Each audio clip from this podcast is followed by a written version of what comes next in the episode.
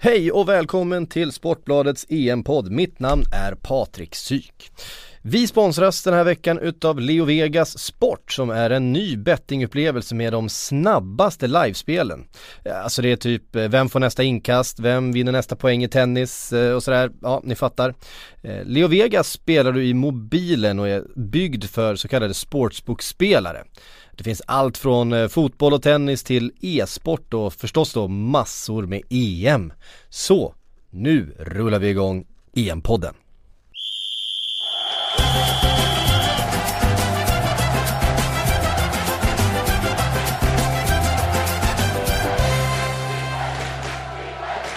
Då hälsar vi hjärtligt välkomna till Sportbladets Orakelpodd EM-podden med eh, mig Patrik Syk, eh, Kalle Karlsson och Patrik Sjögren. Eh, Den ö- det ödmjuka avsnittet. Det här blir det ödmjuka avsnittet med tanke på att du och jag Patrik inför åttondelsfinalerna tippade rätt hela vägen. Ja. Alla åtta matcher. Så är det. Det var väldigt stort allvar i vår tippning och det var inte alls några ironiska val här och där utan Nej, det kan ha varit lite så.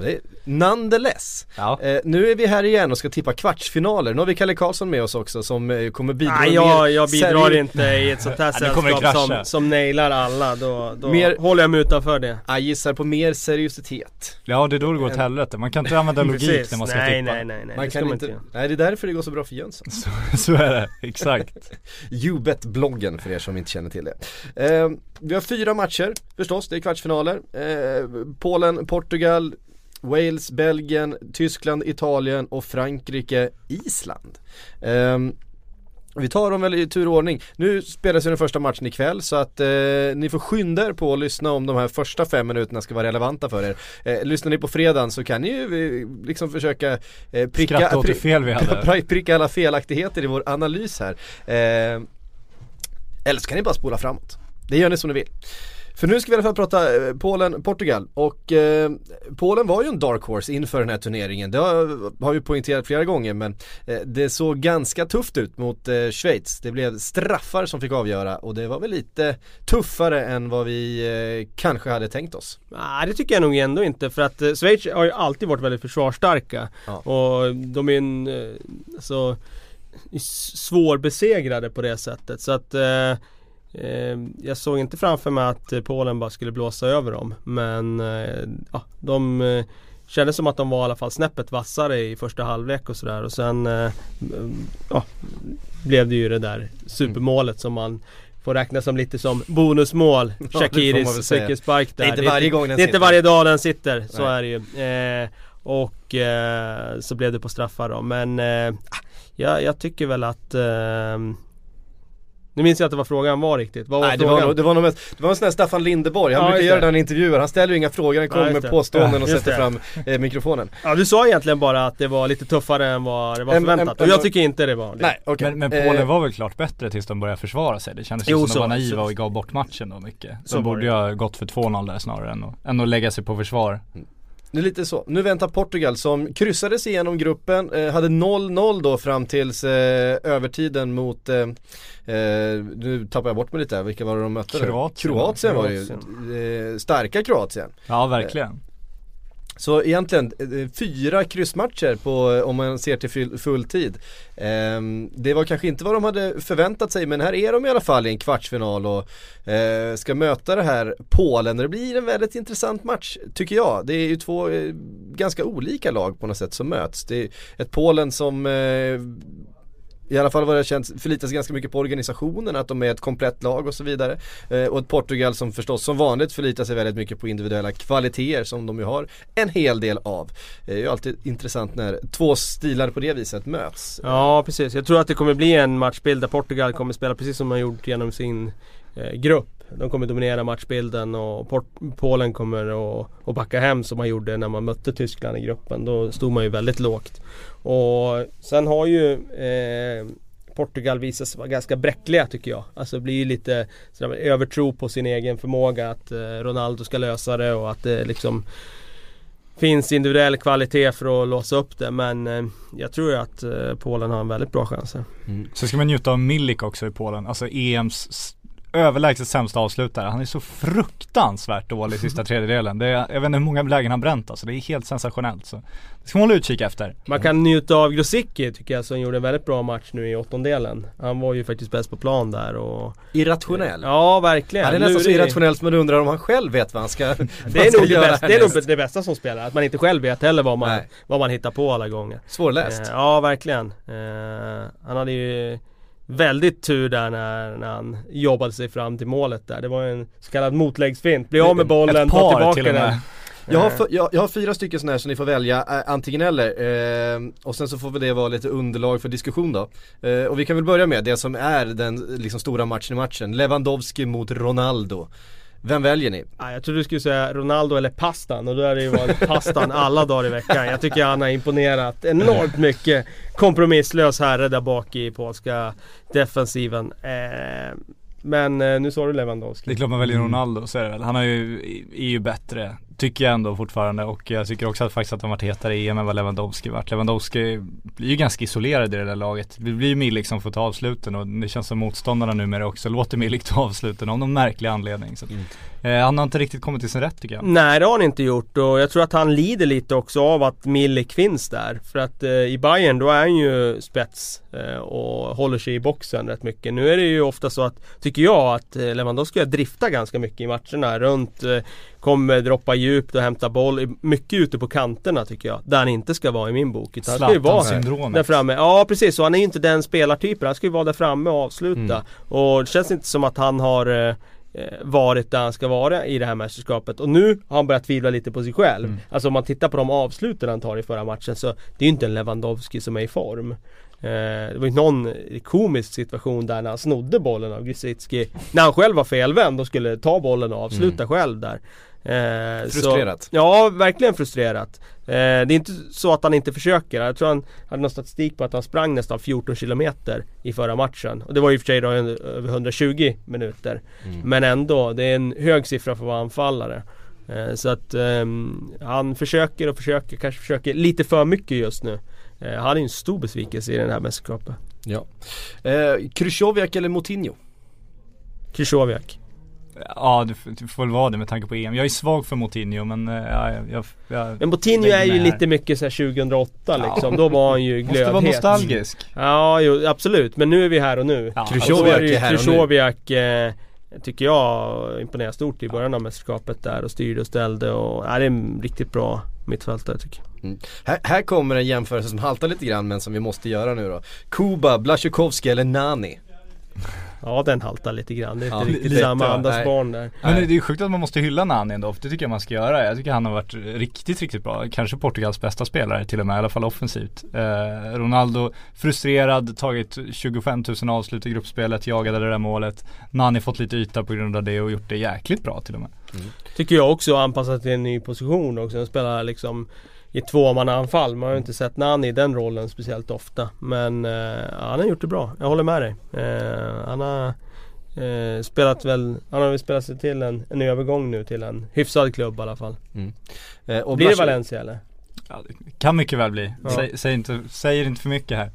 Eh, och så Blasjukovski då som eh, fortsätter hitta nätet. han är väl bästa målskytt i Två mål hittills i, i, i, Två mål tror jag han har gjort va? Är det inte fler? Ja, jag tror det är två. Det kanske är två.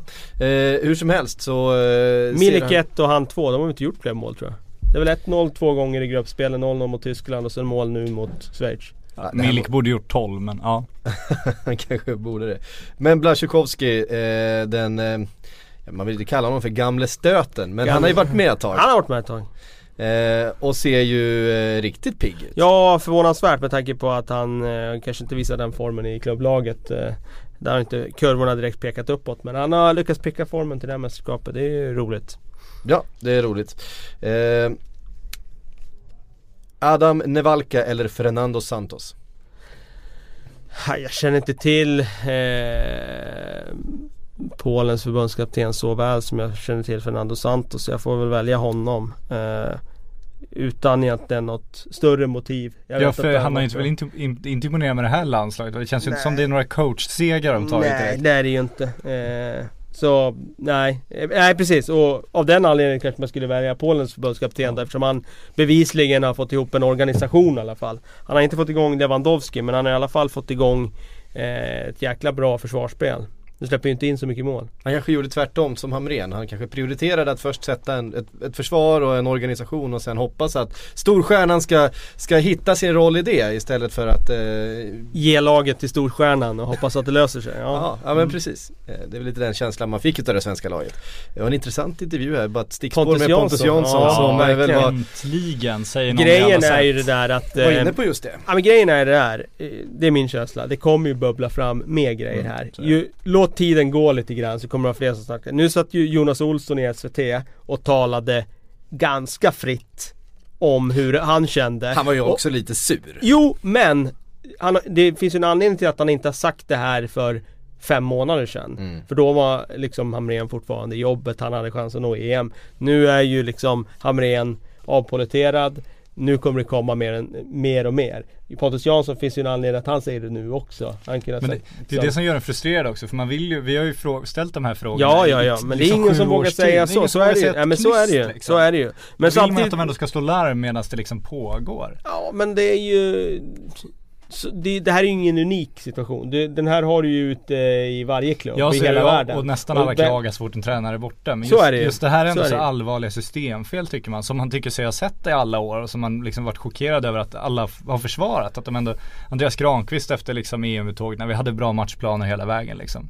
Ja, hade ni det verkligen? Alltså första matchen mot Irland, ni blir helt helt chockade av Men att de inte ska jag måste, jag måste ju säga att jag tycker ju att när det gäller vad spelare säger och sådär så läser man ju ofta mellan raderna ibland att det finns något annat. Alltså du, du litar ju inte alltid på vad de säger om, de, om du får en ledande fråga som leder in dem på att de ska vara lite kritiska Så kan du inte alltid lita på vad de nej, säger. Nej alltså, så är det absolut. Det, nej, nej, nej. Det är klart men att man, de inte man sågar. att de ändå kunde vara lite mer liksom Vad skulle, de, vad skulle Granqvist ha sagt då? Nej, Matchplanerna var totalt under all kritik. Nej jag tycker vi var, vi var aningen dåligt förberedda, det hade vi kunnat göra bättre. Det ja, men, ja, går. ja absolut, och det är ju förmodligen det vad han känner. Det, ja. det skulle jag tro ja. att många spelare känner. Men, det borde man våga säga då. Men han vet ju vilka rubriker jo, det hade lett till. Absolut, men om alla hade säger... Hade det gynnat laget där och då? Om alla säger det, de hade åkt ut EM, då hade det spelat någon roll liksom. Man måste ju också komma ihåg att den kommunikativa förmågan i situationen när de här frågorna ställs ofta är begränsad också. Direkt efter en match kanske med en eh, besvikelse eh, som det ofta är när den här frågan kommer så är det ofta efter en förlust samtidigt och så vidare. Haft, samtidigt har de haft en, en och en halv timme på sig att fundera igenom precis vad de ska säga och de vet exakt vilka frågor som kommer komma så att förberedda är de ju ändå. Så det, Jag tror det mer handlar om att de vet vilka rubriker det blir. Om de säger minsta absolut. lilla grej som kan tolkas som kritik så vet de att det kommer Men det där är jag förvånad också att de är så rädda för rubriker för att liksom, alltså hur illa är det egentligen? Nej det är ju för att vi har Det är för att eh, Alltså omgivningen, de själva och miljön har ju skapat Eller har ju skapat den kulturen att det blir ett problem. Ja så är ja. det Men egentligen är det ju inget problem. Nej men det blir ju en självuppfyllande profetia. Ja, Om alla tycker att det blir ett problem av att någon är kritisk mot mm. tränaren då, då blir det ett problem. Kan vi göra som eh, de turkiska eh, journalisterna istället eh, som Erkan Sengin efterlyste Ja just det, man kan tokhylla där ja. Precis. Det var ett stickspår det. Det var ett stickspår. Ehm, det är intressant stickspår tycker jag. Den vinner då. Jag gillar måste, stickspår. Nu måste vi tippa här nu då, Polen eller Portugal? Ja Polen. Polen, säger Kalle. Jag, ser, jag, jag, är rädd att jag kommer få se Pepe jubla igen så jag säger Portugal. Mm. Eh, den här gången Då går jag emot oraklet alltså. Ja exakt. Jag har rätt en gång i mitt liv på det här men. Ja men jag blir, jag är tungan på vågorna, jag säger Portugal. Ja. Nej förlåt, jag säger Polen menar jag. Jag menar Polen. Snacka om att han helgarderar. Ja, för nu säger jag såhär, ja, ja, jag sa Portugal. Kan han klippa sen? Det var lite så vi jobbade förra veckan också. Ja. I vissa fall. Ehm, nästa match. Alltså i, liksom på något sätt, i, i skuggan utav det Island har gjort Som ju är helt fantastiskt och tagit sig till den här kvartsfinalen så får man ju komma ihåg att Wales eh, också är ett väldigt litet land eh, inte heller har varit eh, på den här nivån tidigare eh, och tagit sig förbi, ja, alltså det var ju väldigt länge sedan de var i ett mästerskap överhuvudtaget och att de har tagit sig förbi både gruppen och sen åttondelsfinalen det är också en stor sensation ska vi komma ihåg. Eh, och nu ska man alltså möta Belgien som man hade i kvalet och som man slog i kvalet. Det var nog en en, alltså om, man, om de hade fått på förhand välja någon av de här lagen, förutom Island då förstås, så måste ju ändå Belgien kännas som ett lag de på förhand hade kunnat välja. Just med tanke på att de har slagit dem för inte så länge sedan. Ja, och med tanke på också att Belgien inte har imponerat över tid. De är väldigt sådär varannandagslag och Wales kan ju gå in och hoppas att de inte har en sån där dag när allt funkar. Då kan de ju absolut slå dem, det är ingen tvekan om det. Nu vaknar ju Belgien till liv lite i senaste matchen här och fick ju i alla fall igång de individuella eh, stjärnorna eh, ordentligt. Hazard mm. i synnerhet. Och men, men Ungern var med, bra med ganska länge. Ja men Ungern är ett bra lag också. Ja. Det har vi ju sett i turneringen. De har ju inte bara kommit hit för att parkera bussen heller. Utan de har ju ändå kommit för att spela fotboll och gjort det väldigt bra tycker jag. Jag tycker man imponerar med väldigt teknisk och liksom sevärd fotboll. Så att eh, det är inget lag som du bara eh, kör över. Det blev ju alldeles för stora siffror sett till hur matchen ja. såg ut. Um, Belgien som sagt eh, igång.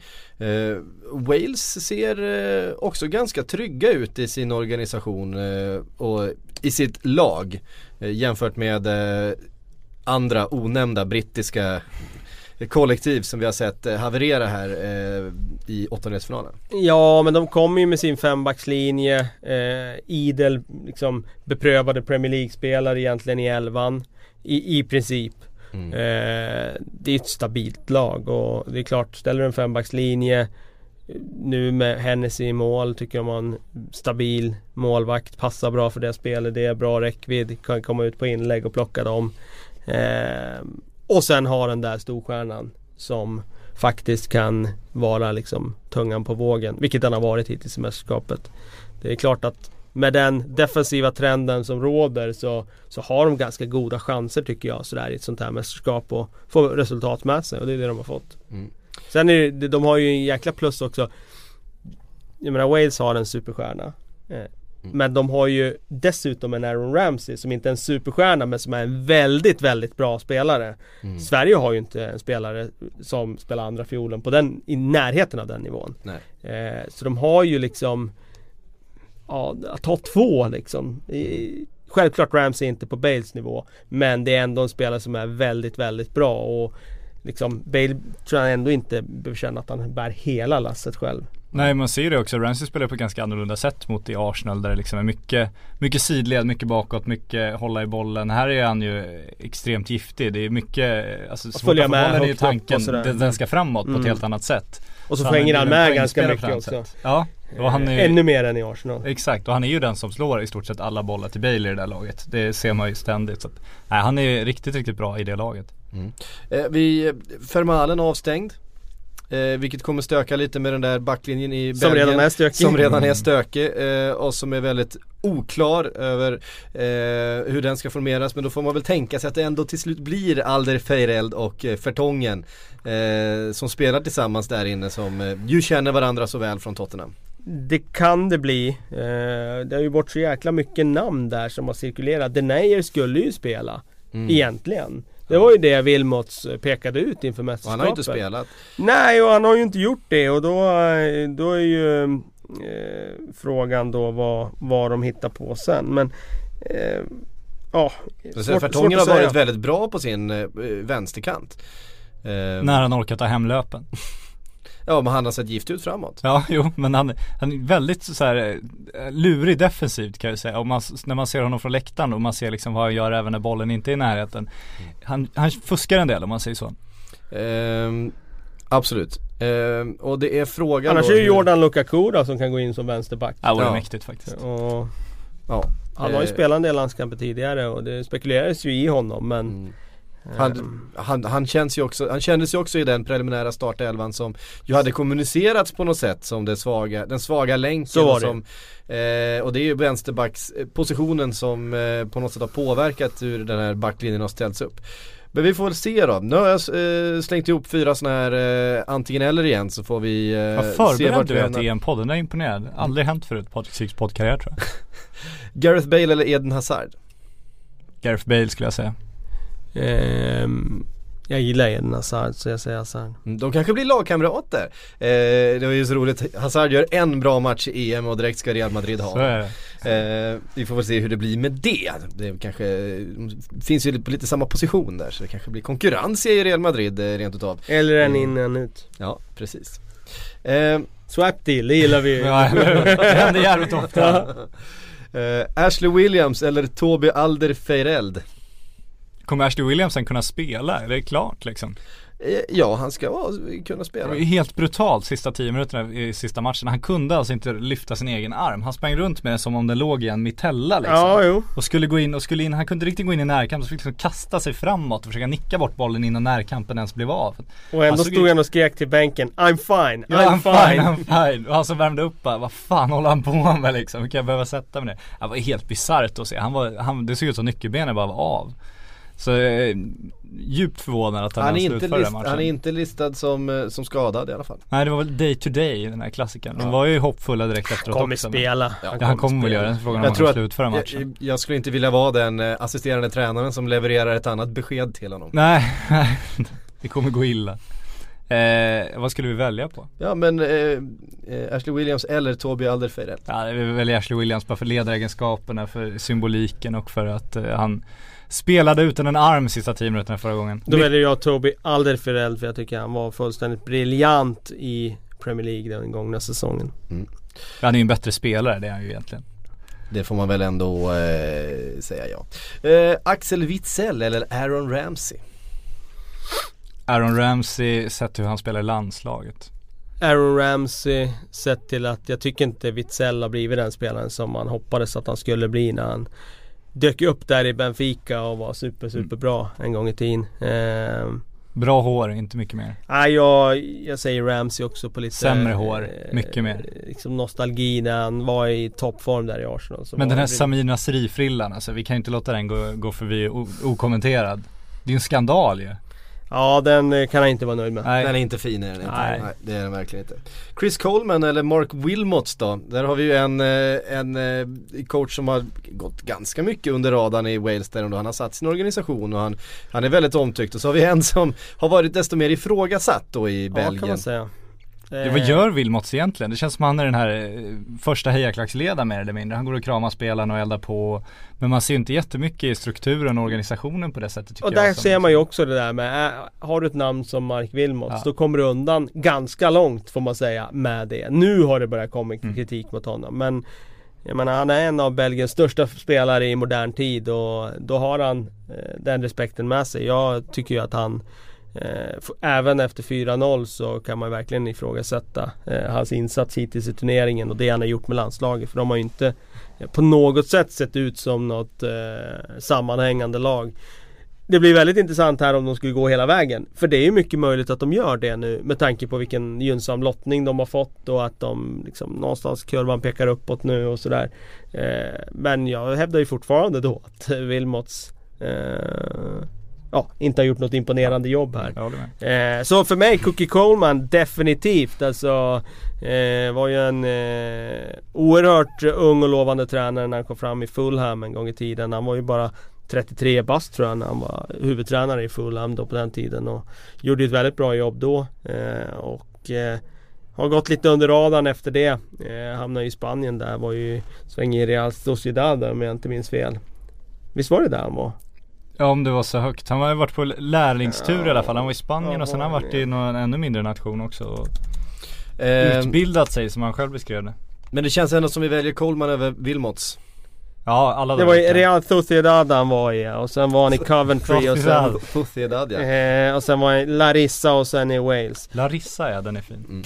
Eh, en liten avstickare då, antingen eller. Eh, Lukaku eller Batshuayi? Eh, Lukaku.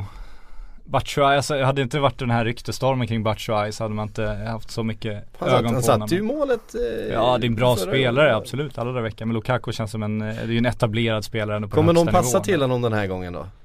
Han sprang, sprang och sprang och sprang och fick aldrig bollen eh, senast. Att det finns ett mittfält där som vill, som vill, vill väldigt gärna avgöra också. Ja det finns ett lag som inte riktigt fungerar. Så det, spelare för spelare så har de ju kanske Europas bästa lag just nu, vågar jag nästan säga. Det finns lite tyskar och annat man kan eh, mm. propagera för men, men offensivt i alla fall. Om man tittar mittfält och anfall, herregud vad bra de är. Men han får inte ihop det, det är ju så. Han får inte ut max av någon av de där spelarna, det kan ju ingen påstå. Nej. Um, det blir väl antagligen Lukaku som startar igen va?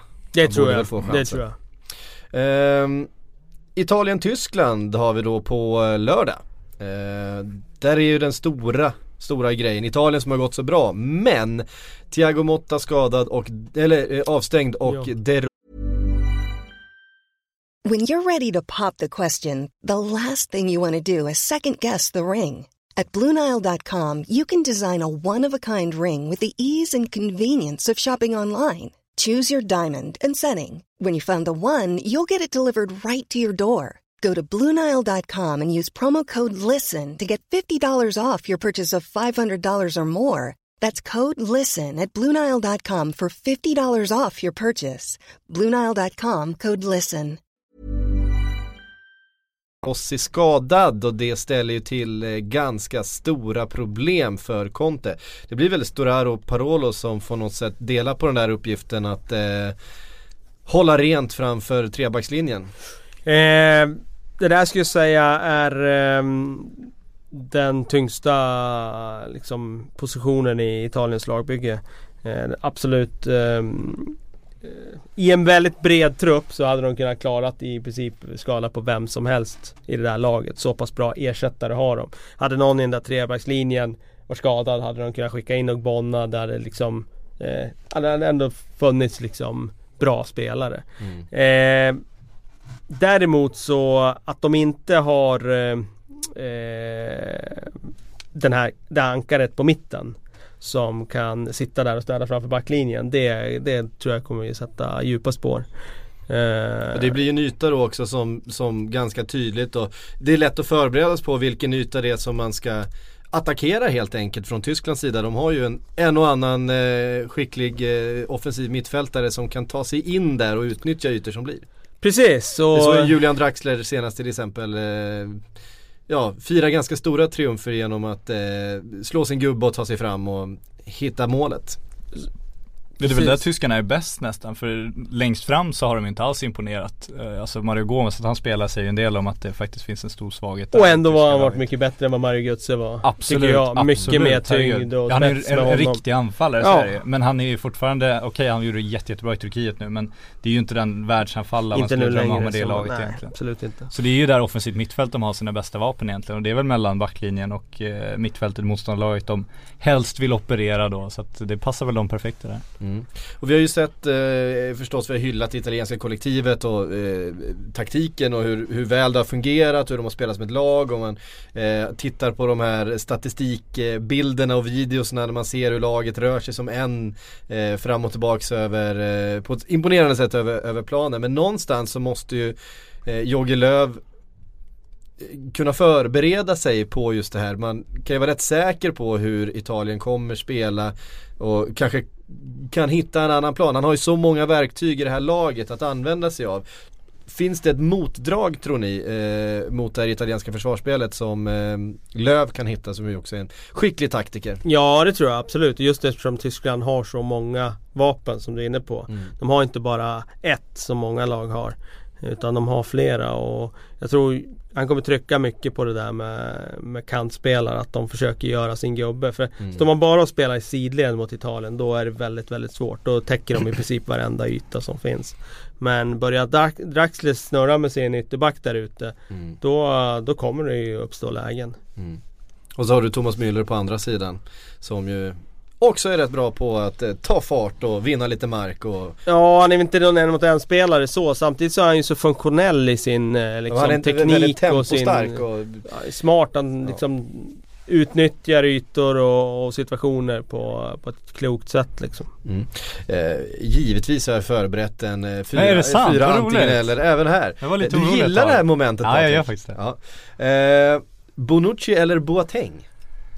Oh, den är svår för nu, Ja. är, Nu nu, är det fin- vill jag nu- välja båda. Nu är det fina Ah. uppspelsfötter dessutom på, på mittbacken. Jag ska bara verkligen. titta på den Kalle våndas här. Ja den är, den är riktigt så. Jag älskar ju Bonucci för att han eh, styr den där backlinjen på ett alldeles fantastiskt sätt. Men jag måste nog ändå säga Boateng på det sättet som han har växt ut till en världsförsvarare nu. Han är både trygg defensivt och sen eh, är väldigt förtjust i hans fötter. Så att jag måste nog säga Boateng ändå. Men den var svår alltså. Mm. Jag gillar också Boateng för att han har både fysiken och rörligheten. Det är inte så himla vanligt bland mittbackar. Utan det, är, det är imponerande. Ja, eh, ja han har ju växt, vuxit ut verkligen till en av världens bästa eh, mittbackar. Det, det, det hade man ju inte sagt för några år sedan om honom. Då tyckte man ändå att, han var, att han var begränsad. Ja, framförallt i City men även i, i början i, i Bayern München så tyckte man att eh, Ja det fanns brister i hans spel men framförallt den där uppspelsfoten har ju bara blivit bättre och bättre. Eh, fantastisk spelare. Eh, den här är också lite rolig. Pelle eller Mario, Mario Gomez? De är inte helt olika i sin profil. Nej. Nej, Pelle har bättre nog- hår. Ja. eh, Ja, det är en stilig karl eh, Graziano, det, har får han. man säga. Bra namn också. Ja. Heter man Graziano så, så måste man nästan se ut sådär. Så är det. Det är ett bra namn. Det, det, han kan vara vinnare på det namnet alltså. Han eh, tycker jag har varit eh, viktig för Italien i mästerskapet just med att han Visst han har petat in ett par bollar där i slutet och avgjort matcher så eh, med spiken i kistan så men Just det där med att han är en bra target. Han sätter ner bollar till när han står felvänd så kan han få fast den. Så jag får välja ändå Pelle utifrån den här turneringen. Han har en viktig roll i Italien. Eh, I och med att de behöver en forward som kan få fast bollen på det sätt som han klarar av att göra. Det är häftigt att de har lagspelare som anfaller helt plötsligt. För vi har alltid sett så fort det kommer fram en, en anfallare i Italien som blir landslagsmässig så Även fast han inte är så jäkla bra så blir han ju en stjärna väldigt snabbt och blir, får ett ego därefter liksom. Balotelli, Casano. Går att nämna ett antal. Som, och alla de här som bara snurrat runt i den här anfallssnurren i Serie A när man byter italienska anfallsspelare med varandra. Det är coolt att de fått några som, eh, ja, underordnas i laget. Sen måste jag säga, Eder han var ju katastrof mot Sverige där i första halvlek. Han hade ju inte en passning i den matchen. Men han har ju också växt i turneringen tycker jag. Alltså rörlig och ganska klok med bollen tycker jag också. Så var att ju han väl, också... väldigt ifrågasatt inför den här turneringen efter den här säsongen han har haft. Har han ju varit katastrof. Ja, att han skulle starta liksom i Italien. Det, det var ju det man såg som en av svagheterna i den här elvan. Liksom Pelle och, och Eder som anfallspar. Mm. Det är inte det är inte ståndsmässigt för ett lag som Italien men eh, Tycker nu att eh, Eder har eh, Nu snackar jag bara om hans allround-spel. Att han eh, liksom varit mer rörlig och sådär nu. Mm. Eh, nästa då, den här är ju bara för att det blir lite intressant just i den här matchen. Eh, Sturaro eller Toni Kroos? Ja, det är svårt att inte säga Tony där. Eh, För mig är det en eh, absolut eh, personlig favorit. Han eh, En av de bästa mittfältarna i världen. De kommer ha lite med varandra att göra menar jag. I den här Ja, matchen. om Storaro kommer så högt upp. Vi får se hur högt han spelar. För Kroos sitter ju nästan nere vid mittbackarna. Mm. Och så står han där och smeker sina, liksom Fördelar sina bollar till höger och vänster. Han kommer nog få tid och utrymme att göra det i den här matchen också. Mm. Ja men det känns som, som slöseri i Real nu när man ser, för där är ju Kroos lika djupt men sen känns det som bollen ska via Modric hela tiden och Modric är ju briljant på alla sätt och vis också men det känns som de, de har kvävt Kroos lite. Nu när han liksom får växla ut fullständigt här tycker jag att han varit ännu mycket bättre. Det är väl kanske en utav få spelare i världen som, som nästan är ännu bättre på att hitta den smarta passningen är Luka Modric. Så att det är, Ja, det är svårt att argumentera emot Ja, att alla håller de vinner Champions Ja, det, det, League. så att det, det är klart det Luka liksom, Modric ska ha bollen, det är inte det jag säger men det är sån lyx att de kan ha Toni Kroos Ja, där också då som det- inte ska ha bollen i det läget. det får man säga. Ehm, och sen till slut då, kanske det mest intressanta, Conte eller Löv? Ja, Eh, för mig är det, kamp. För mig är det såklart Antonio Conte. Jag tycker att det han har gjort med det här italienska landslaget nu till den här turneringen är briljant.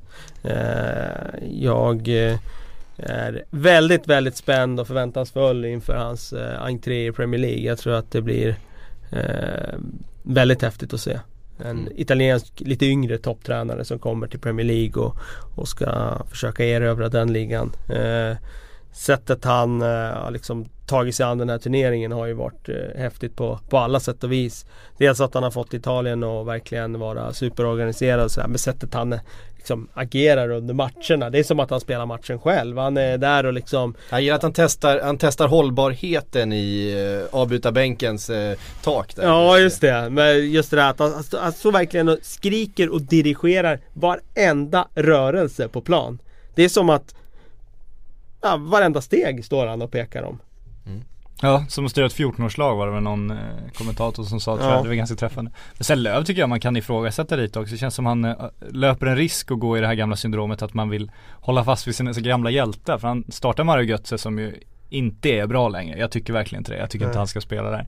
Och sen har han tagit med sig anfallsbesättningen har han ju liksom Lukas Podolski och Mario Gomez och Det känns som det, han litar på de gamla rävarna på något sätt fortfarande.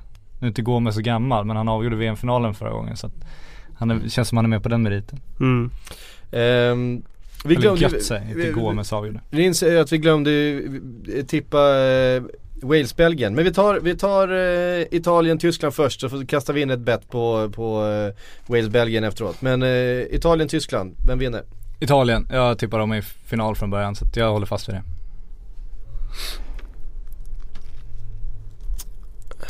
Den här är svår. Jag brukar alltid ha en känsla åt något håll men den är lurig alltså. Ja, jag säger också, jag säger också Italien. Ja, fan jag som skulle säga Tyskland. Ja, får du göra ändå. Ja, just, just skadan på De Rossi eh, känner jag att det, det, det, stökar till det för det här eh, italienska laget som eh... På sätt och vis, men samtidigt så tycker jag att de har visat, alltså eh, det är ju Thiago Motta som är ersatt men det, han har inte varit rädd att byta på just den positionen. Det är ju där han bytt ganska tidigt i matcherna. Så mm. Han blir känns... ju lite trött. Daniel. Ja det blir han ju och det, därför tycker jag också det känns som Conte, det, han borde ha möjlighet att spela in en annan där. Ja, och de har ju vetat om det här i några dagar nu så att de har ju eh, garanterat en plan för det. Så är det ju. Jag tror ändå på Tyskland, för jag tror nästan alltid på Tyskland. Ja. Det, det, det är sen gammalt. Och vi glömde ju tippa Wales-Belgien. Ja för mig är det Belgien som dansar vidare från den. På något sätt. Jag ja. vet inte om det blir eh, någon enkel resa som det var i åttondelen men jag tror att de lyckas på något sätt. Ja det måste, alltså jag vill säga Wales, jag vill verkligen det. Och man ska ha någon skräll liksom med sig. Så att jag är supersugen på att säga Wales. Men mm. Ashley Williams lite skadad. Eh, och sättet de firade sin seger mot Nordirland på när de tog in liksom hela familjen och allting på planen och var kvar där en halvtimme och bara jubla som man har vunnit. Det känns som de är nöjda så att jag måste också säga Belgien tyvärr. Mm. Man vill, jag vill ju väldigt gärna säga Wales också men det, det, det, det, går ju emot logiken framförallt efter matchen mot Ungern. Man ska inte tippa logiskt, det har vi konstaterat. Nej men då säger jag Wales då. Ja. så vi ser ifall eh, det blir så. Sista matchen på söndag. Frankrike-Island. Eh, hemmanationen som har sett eh, lite nervösa ut, lite skakiga ut, eh, lite fragila bakåt men eh, som har liksom snubblat sig vidare mot det här ramstarka, eh, långt kastande eh, och väldigt kyliga Island med eh, eh Mr Lava Lava eh, på, på avbytarbänken som eh, styr det här kollektiva organiserade eh, laget. Vad säger ni?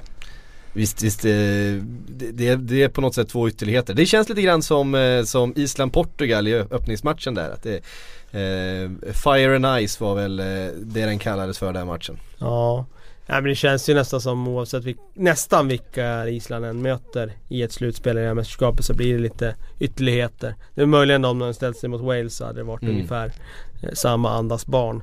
Men eh, alltså det är svårt att tippa emot Island när de är så svårslagna som de har varit. Alltså det måste jag säga. Det, jag tror väl att eh, Frankrike, precis som jag tippade förra, förra gången med England, de kommer kravla sig vidare med, med efter en tight historia med uddamålet. Så jag, jag tippar likadant nu då. Det satt ju inte förra gången så jag, jag ger Frankrike chansen här då. Ja, jag tror stenhårt på Frankrike. Det känns som Island har, alltså det var ett riktigt Lars Lagerbäck-gruppspel. De, de krigade sig två kryss. De fick en seger mot Österrike som ju var katastrof för det här EMet. Och sen så lyckas de slå ett England som var nästan ännu sämre. Det var ju en jävla patetisk uppvisning, ingenting annat. Framförallt 2 målet har vi pratat om förut. Men mm. det passiva engelska försvaret är bland det värsta man sett. Så att det, där är jag lite med Nilsson i Eggen, den eh, norske demontränaren. Att eh, det var väldigt mycket, handlade väldigt mycket om att England var extremt dåliga också. Och det är väl delvis Islands förtjänst men det var inte bara det. Men hur bra är Frankrike då? De har inte övertygat. Nej, mycket individuell kvalitet såklart. Eh, men inte övertygad som lag ännu tycker jag. Men de har de där matchvinnartyperna nu. Paillet som är farlig i varje fast situation. Eh, Griezmann som har kommit igång nu. Pogba mm. som fortfarande har lite oförlöst potential i det här mästerskapet. Eh, han blandar topp, topp aktioner med enkla misstag tycker jag. Överarbetar ja, överarbetar. väldigt mycket. Giroud som står där framme och stångas och står brottas och... En bra beskrivning, ja. Giroud som står där framme Ja, felvänd liksom ja, Han spelar väl i alla fall han måste ju ändå spela 75% av sitt fotbollsliv felvänd. Så är det. eh, och det gör han väldigt bra, ska ju sägas. Han är väldigt bra felvänd. Eh, men, ju... men han skulle kunna vara lite hetare framåt tycker jag. Göra lite fler kassar. Det var många som såg han som faktiskt skyttekung i den här turneringen. Just för att mm. han skulle spela i Frankrike och få bra i Bra service. Nej, ja, men Erik, såg vi, vi, många. Erik Niva tippade det inför här i, i EM-podden i ja, Man ska inte ge mycket för Erik Nivas fotbollskunskaper. Det... Nej, det ska man kanske inte göra. Men, eh, men eh, det var väl just det för att man var helt säker på att eh, han kommer starta i det här laget som har ett sånt oerhört eh, starkt mittfält bakom sig med så mycket fina framspelsfötter. han har ju fått lägen, framförallt i gruppen hade han ju ja. bra lägen liksom. Han gjorde ju något mål där men eh, han kunde ha gjort mer. Men man säger också att de inte är övertygade, samtidigt så är de ju det där laget som alltid vinner nu på något sätt. Som alltid sätter den slutminuterna, som alltid är det starkare. Det är ju en liksom, att ta med sig det kan ju bli hur, värt hur mycket som helst. Så är de vet ju att är det minut 70 så är det fortfarande lugnt för att de litar ju på varandra där. Mm. Rami avstängd, vem kliver in där nu då? Umtiti heter Ja, Umtiti eh, Barcelonas nya Just det, det var, just det, de valde att ta in honom ja mm. Ja, det är ju svårt att säga om, om det har så stor påverkan Dålig, Island dålig inte... koll på honom ska jag... Ja, det, känns, det känns som du säger, Island kommer inte sätta stenhård press på Nej, honom på något sätt det handlar ju mer om att vara koncentrerad när det är dags för inkast För ja. att de kommer kasta de där långa ja. inkasten över hela banan de börjar ju kasta från egen planhalva ja. nu förra matchen. Nu kommer de börja kasta från eget straffområde när mm. de får en där de Var, ja, de, de var på, på egen sida utav ja. mittlinjen när de eh, började dra de där jättekasten. Eh, ja, man, man gör vad man kan. Man, man gör, ja, de spelar efter sina resurser men det är, ingen kan ju påstå att det är speciellt Det var väl TV4 som sa att Island har eh, charmat hela fotbolls-Europa. Det är nog en, det var en ganska kraftig överdrift kan jag säga. Mm. De har ju gjort det utifrån att eh, de har alla ja, liksom sagan odds. har ju charmat Ja exakt, ja, sagan men spelet och, kan De har alla odds emot dem. sig. Men spelet kan inte ha skärmat så många, nej. nej. Ehm, och såklart, fyra stycken eh, val här även inför den här matchen. Ja, nu blir det knepigt. Eh, Korsielny eller Ragge Sigurdsson? I det här mästerskapet, Ragge Sigurdsson. Ja, ja. Jag tycker han varit fullständigt briljant. Till den här matchen är det ja, det vi ska Ragge Sigurdsson utifrån att han gjorde en eh, magnifik insats senast och har varit väldigt bra i det här mästerskapet. Så att eh, jag tar Ragge just eh, här och nu. Mm. Ja, vi kör Inte Ragge. att han är bättre utan eh, jag bara känner lite starkare för han just här och nu. Pajet eller Bjarnason? Ja, man känner ju starkt för Bjarnason också men eh, Pajet har ju eh, också skärmat oss ja. i det här mästerskapet och Känslan är väl att Efter han, ett par omgångar så var det ju han som var turneringens stjärna lirare, liksom. Så var det ju. Så var det ju. Samtidigt, Bjarnason har ju haft högre lägstanivå. Han har ju varit bra i varje match. Eh, men det var någon som skrev till mig på Twitter, det var någon läsare faktiskt. Det var väldigt bra iakttagelse tycker jag att eh, Bjarnason är ju en riktig Tony Pulis-spelare sa han. Och det är ju mm. exakt det han är. Mm. Alltså, passar ju perfekt i lag som eh, vi spelar liksom en eh, reaktiv fotboll. Island är ju ett Tony Pulis lag. Alltså ja, inkasten, organisationen, backlinjen. Eh, en yttermittfältare som springer eh, ja. lojalt i 90 plus tillägg och eh, har faktiskt förvånansvärt mycket kvalitet när mm. det väl behövs. Sebastian Larsson. Med kvalitet. Med kvalitet. Med kvalitet. Det finns kvalitet Sebastian Larsson. Ja absolut. Eh. Men mer förr än vad det finns idag. Ja det får man väl ändå säga. Eh, Grishman eller Sigthorsson? Nu har jag Grishman som skyttekung så att jag, av samma anledning som Erik hade i kan jag tänka. Frankrike går långt, det kommer göras mycket mål trodde man. Eh, någon kommer göra dem, jag trodde på Grishman. Så jag håller fast vid Grishman. Ja, jag har tagit också Grishman. Eh, jag tycker att han är en av de här spelarna som är precis i bakvattnet bakom de allra bästa i världen. Och han eh, har potential att kliva upp där bland de allra bästa. Och så gillar man att det inte är de här gymfreaksen bara längre utan att eh, det kommer en tanig liten kille. Det uppskattar jag. Kan känna med honom. ja, det förstår jag. Och sen den intressantaste i hela det här EM-poddavsnittet? Deschamps eller Lasse Lagerbäck? Ja, Lasse vinner ju den, det är ju så. Ja, han har gjort en han. större tränargärning har han gjort i här mästerskapet än vad Det har Deschamps han gjort. Eh, nej men det han har gjort är ju fantastiskt får man ju säga. Eh, det är ingen fantastisk fotboll om man eh, granskar den så. Den är väldigt enkel, rak. Eh, han använder den i princip enklaste spelidén som går att lära ut och genomföra. Eh, det är det enklaste spelet att använda om man har dåliga spelare. Mm. Men han har fått det här eh, kollektivet att verkligen tro på den här idén och utföra den till 110% och där ska han verkligen eh, hyllas. Och med all rätta så blir han ju hyllad nu unisont av fotbolls-Europa. Sen ska man hylla Deschamps för att han tog ändå en del svåra beslut inför EM. Han lämnar Benzema hemma, han lämnar Ben Arfa hemma som många skrek lika högt efter som Benzema. För att tänka på gruppen och Det är dynamiken. ett väldigt skandalfritt eh, mästerskap för att vara Frankrike. Ja, då är ändå är en Patrice Evra en av ledarna fortfarande så att eh, det säger en del om hur han lyckas balansera det där. Nej men han insåg såg ju risken igen, att det skulle hända igen och han tog två väldigt, väldigt modiga beslut eh, som har betalat sig så här långt. Så det ska han ha cred för också. Mm. Man saknar ju Nasri lite i den där, den där soppan också. Eh, Exakt. Det blir alltid bra man stämning när han är med. Nej, Ja, det hans kan... flickvän också, när han inte kommer med, det är också en härlig, härlig uppenbarelse. Ja, vad är det, vad, vad skulle ni säga, vad är det Deschamps har, har eh, misslyckats med då med det här eh, franska laget? Men han har inte heller fått igång dem maximalt, han har inte fått igång den där skyttekungen som man kanske behöver på det sättet. Men han har inte behövt det heller, han har ju styrt dem så långt det går än så länge. Alltså man, man vill ju ofta att lag ska övertyga och vinna med 4-0, allt ska vara dansande fotboll. Men end of the day liksom, de har vunnit. Vem vinner? Frankrike eller Island? Frankrike. Svår alltså. Är den Jag så? tycker, jag tycker den är svår. Det är sån där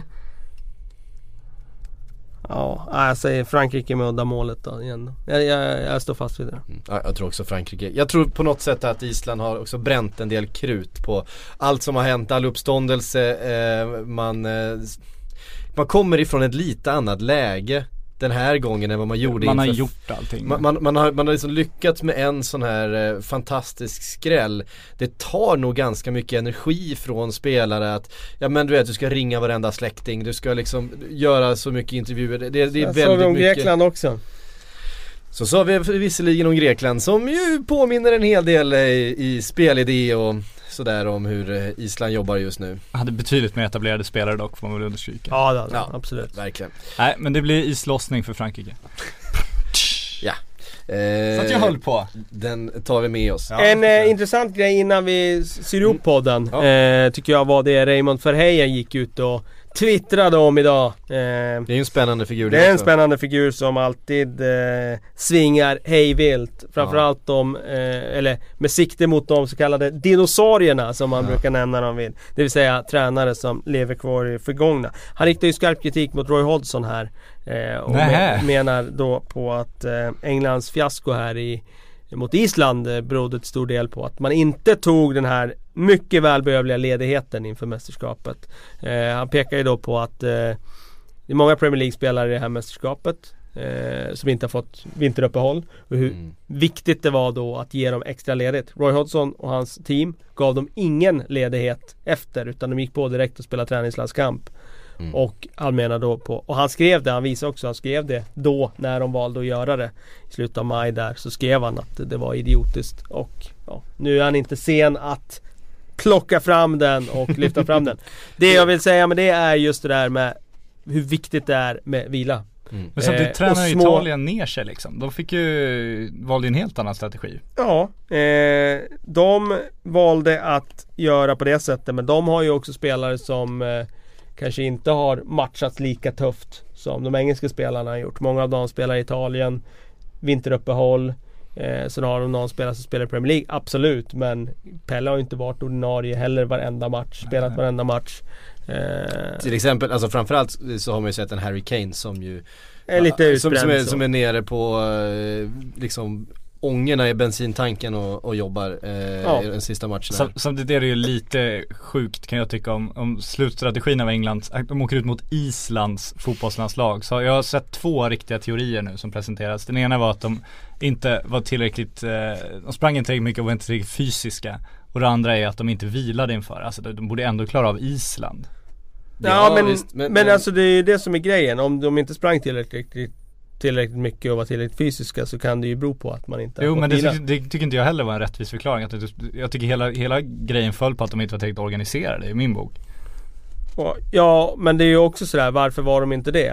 Eh, det kan ju vara för att man inte orkar är, är så fräsch varken i huvudet, mentalt eller i benen så man orkar ta den där extra löpningen. Ja. Eh, självklart så är det många parametrar. Det är inte en, men jag tror hade de varit hade de varit piggare så hade de slagit Island även om de inte hade varit organiserade till 100%. Och sen är det små marginaler hörni. Det är små marginaler, så är om- det. Det är det alltid. Tänk om Raggers tackling där på Vardy inte hade suttit utan han hade rivit ner honom. Det hade varit ett rött kort och det hade varit en straff och sen så hade det varit eh, förlängning med eh, 11 man mot 10 och så ja då hade vi kanske pratat på ett annat sätt om den här matchen. Eh, det var en viktig tackling. Så är det. Mm. Eh, hörni, tack för att eh, ni kom hit idag killar. Eh, tack för att ni har lyssnat. Vi eh, ser fram emot de här kvartsfinalerna och så är vi tillbaka nästa vecka igen och då är det semifinaler och en final vi ska eh, försöka snacka upp under de eh, avsnitten. Eh, hörni, tack för att ni har lyssnat.